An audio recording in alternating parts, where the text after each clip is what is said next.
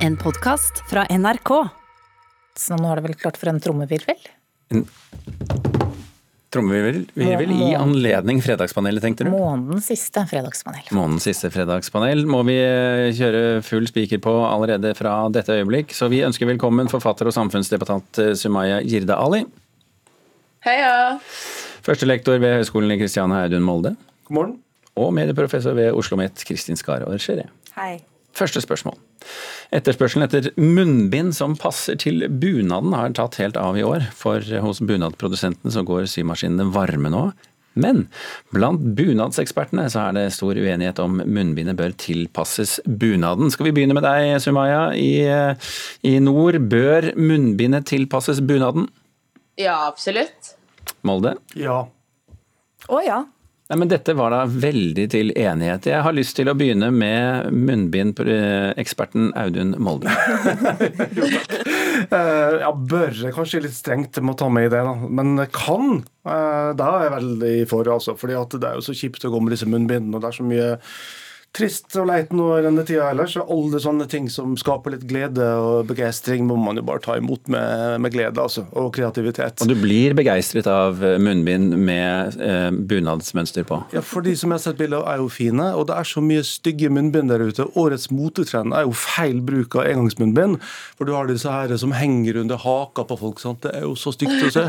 Og så har du sånn, det er jo femgangsmunnbind, for du tar de av og på og sånn.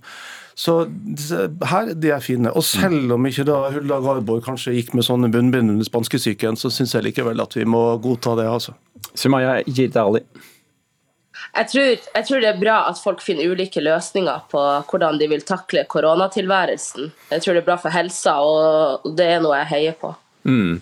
Uh, går du selv Du har jo en, en uh, muslimsk bekledning på hodet. Vil du, vil du si at munnbind er et, et pynt, er pynt også for folk som går med hijab? Ja, absolutt. Det er mange jeg har kjent som har munnbinder som passer til klærne de bruker osv. Jeg bruker jo det som ble sagt tidligere, det styggeste moteflagget, da, det der engangsmunnbindene. For jeg er ikke ja, syns jo det er ubehagelig. Um, og jeg, syns også tøymunnbind er litt sånn ubehagelig. Uh, så ja. Men du, har, men, men du, har, eh, lett for å glede deg over bunadsmunnbind? Ja. ja jeg, men jeg, jeg, mener bare at det, det, det, er sånn vi må heie på da. Folk, folk finner jo ulike strategier for å, å, å takle denne tilværelsen, som er trist og grå og, og langvarig. Og hvis det er bunad, nei, munnbind som matcher bunaden som skal til, så sier jeg nå bare kjør på. Mm. Kristin Skara Heie på likte jeg, og jeg tenker vi må også heie på gründerne i disse dager, og alle de nye startupsene. Så her kan vi jo se for oss, det er jo fremdeles et par uker igjen til nasjonaldagen, at man kunne tenke seg at vi kunne få bunadfutteraler til håndspriten som mm. noen alltid går rundt med i lommen. Eh, eller eh, engangshansker. Spesifikke eh, futteraler? Det burde jo være mange, mange businessideer på dette feltet her, så her er det bare å kjøre på, tenker jeg. Mm. Men noen bunader har jo en sånn liten en hyse. Er, det er jo nesten munnbind. Kyse? Kyse er fisk. Ja, det er fisk, ja. Den er veldig praktisk for du kan ha en fisk i Litt sånn men lukt på slutten av setningen. Så må jeg bare få sagt, da, siden vi har en tromsøværing med her, at uh, hyse her nede heter kolje. Nei, jeg mente kyse, ja. Mm. Hva ville du si om kyse? At den, den, kan man jo bare snu rundt munnen, og så feste den med noen strikker, så har man jo faktisk eh, et eh, munnbind. Ja, Særlig for de med skjegg, så kan det være fint. Ja, Hvis du har langt skjegg, så er det kjempepraktisk. jeg tror, jeg tror, jeg tror ikke kyse er en del av mannsbunaden.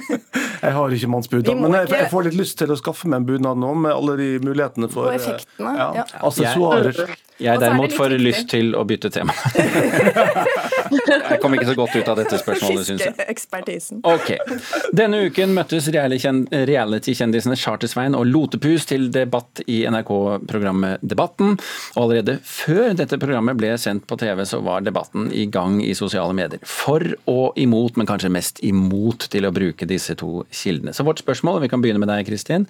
Bør det være et krav at man ser debattprogrammer før man diskuterer dem? Nei, ikke noe absolutt krav. Molde? Jo, helst. Og jeg så det, da. Mm, Sumaya? Ja. Ja, og hvorfor sier du ja til at det må være et krav? Nei, jeg sier nja, liksom.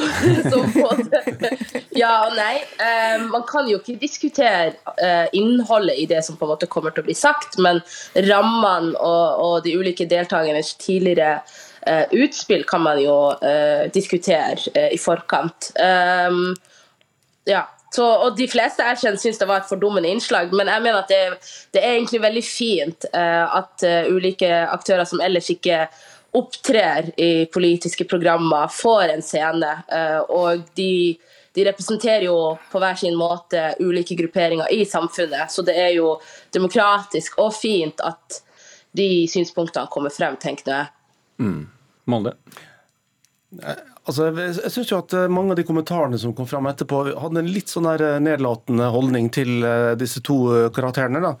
Men nå vet jeg ikke om som Charterpus og Lotesvein, eller hva det heter, om, om, de representerer folkedypet. Det er jeg ikke sikker på. Jeg tror folk er dypere og kanskje mer mangfoldig. De representerer ett folkedyp? Ett folkedyp. Men det var veldig Jeg syns det var ålreit at de var der. Og det var en kjempegod clickbait for et program som etterpå også ble ganske interessant. For da kom det jo dyktige forskere og medisiner fra Oslo universitetssykehus f.eks. og ga skikkelig god informasjon eh, som gjør at vi nå er munnbindeksperter. Mm. Mm. Det er et viktig poeng. og det er jo også noe Nå med, nå ser vi at talkshowene kaster inn håndklærne ene etter det andre. og Da har jo debatten en sånn, fått en sånn leirbålfunksjon. Mm. 538 eh, 000 seere var det da sist tirsdags eh, debatt og, med Fredrik Solvang. og Da er det jo også viktig at litt forskjellige typer mennesker blir representert. Og som du sier, jeg tror også at det kan være fint, selv om det visstnok Jeg må innrømme at jeg ikke fikk sett debatten på tirsdag, mm. men mener da også at man kan, uten det helt riktige empiriske grunnlaget, av og til diskutere ting man ikke har sett i detalj. For, for, for her diskuterer man vel i utgangspunktet eh, premissene for debatten, eh, Sumaya Jirde Ali, og, og det må man kunne få lov til. men er, har du også inntrykk av at, eh, at folk var litt forutinntatt? Ja, absolutt. Det, og det var jo en del saklige, en måte, sånn, saklig kritikk som gikk ut på det de tidligere hadde sagt, men, men det er så Den, den, den lange linja var eh, på en måte eh, altså Det var et så negativt fokus på at de i det hele tatt fikk plass, og det mm. syns jeg er noe vi skal være eh, eh Ja, det syns jeg er urettferdig. Mm. Veldig enig. Og om det så skulle være slik at det kom noen konspirasjonsteorier opp, så er det jo fint at man har gode, dyktige fagfolk, sånn som Espen Nakstad igjen og igjen viser at han er, eh, som kan få fakta fram og, og diskutere det på en skikkelig måte. Mm, så her har vi gitt altså mm. nå hvis jeg forstår dere riktig, grønt lys til alle som uttaler seg på sviktende grunnlag i forkant. Er det sånn? Som clickbait, ja. Som clickbait. Litt som fredagspanel, egentlig. Ja, litt sånn. Ok, vi hopper til eh, neste spørsmål. For denne uken så eh, fikk vi vite at eh, svensk televisjon spiller inn en ny versjon av Saltkråkan. Tjorven! Båtsmann, gå og let reda på tjorven, da. Tjorven, det er jeg, det. Fast jeg heter egentlig Maria. Men mamma sier at jeg ser ut som Tjorven. Denne legendariske barne-TV-serien fra tiden da vi nordmenn kun hadde NRK å se på. Eller eh, svensk TV var det jo også noen som hadde, men Saltkråkan gikk jo der også. Sveriges nasjonalskatt gjenoppstår altså i ny drakt, og vi eh, begynner da, eller avslutter Fredagspanelet i dag med følgende spørsmål. Trenger vi en ny Saltkråkan? Nei. Men Ja. Ali? Ja, jeg sier også ja. ja. Og jeg er litt spent på hva du sier, Ali, for du er jo alt, alt, altfor ung til å ha noe forhold til Saltkråkan som sådan. Så eh, hvorfor vil du si at vi trenger en ny en? Ja, nå har ikke jeg sett originalen som du Som du nevner, men, men, men, jeg, men jeg leste jo kritikken fått på at de eh, ikke ser eh, eh, Altså at de ser for mye bakover. Og den syns jeg er eh, på en måte feilslått, da. Eh, fordi de har hatt en god del gode serier nå det siste tida, bl.a. Tynn og blå linjen, som har vært på en måte tatt utgangspunkt i samtiden vår. Så den kritikken syns jeg er på en måte Den treffer ikke helt. Og så tenker jeg, hvis hvis den, får, hvis den remaken på en måte kommer på lufta, da, så kan den sikkert glede nye, nye seere. da. Jeg angrer litt på at det sa nei, for nå skal jeg fortelle hva som skjer i starten remaken episode 1. Da kommer det en båt ut til øya en fin, vakker sommerdag med en jovial eldre fyr som har vært med i alle reality-programmer, unntatt Ex on the Paradise Saltkråkan Beach. Og han har lyst til å treffe Malin. Men den han treffer, det er jo selvfølgelig Tjorven. Og Tjorven er jo snill og omsorgsfull og gir han et munnbind. Eh, sånn fint munnbind med sånn svensk folkedraktekor på. Det liker han dårlig, så han brenner det.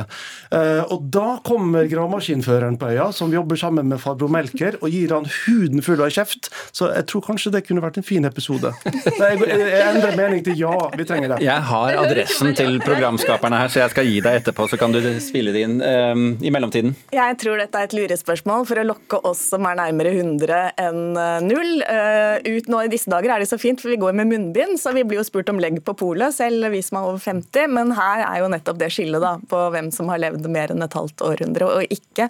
Men selv om jeg elsker Saltkråkan, eller gjorde det i hvert fall for en god del år siden, så tror jeg det kan være veldig fint med en ny versjon. Og den, den trenger jo ikke å, å danke ut den andre, man kan kanskje se begge deler.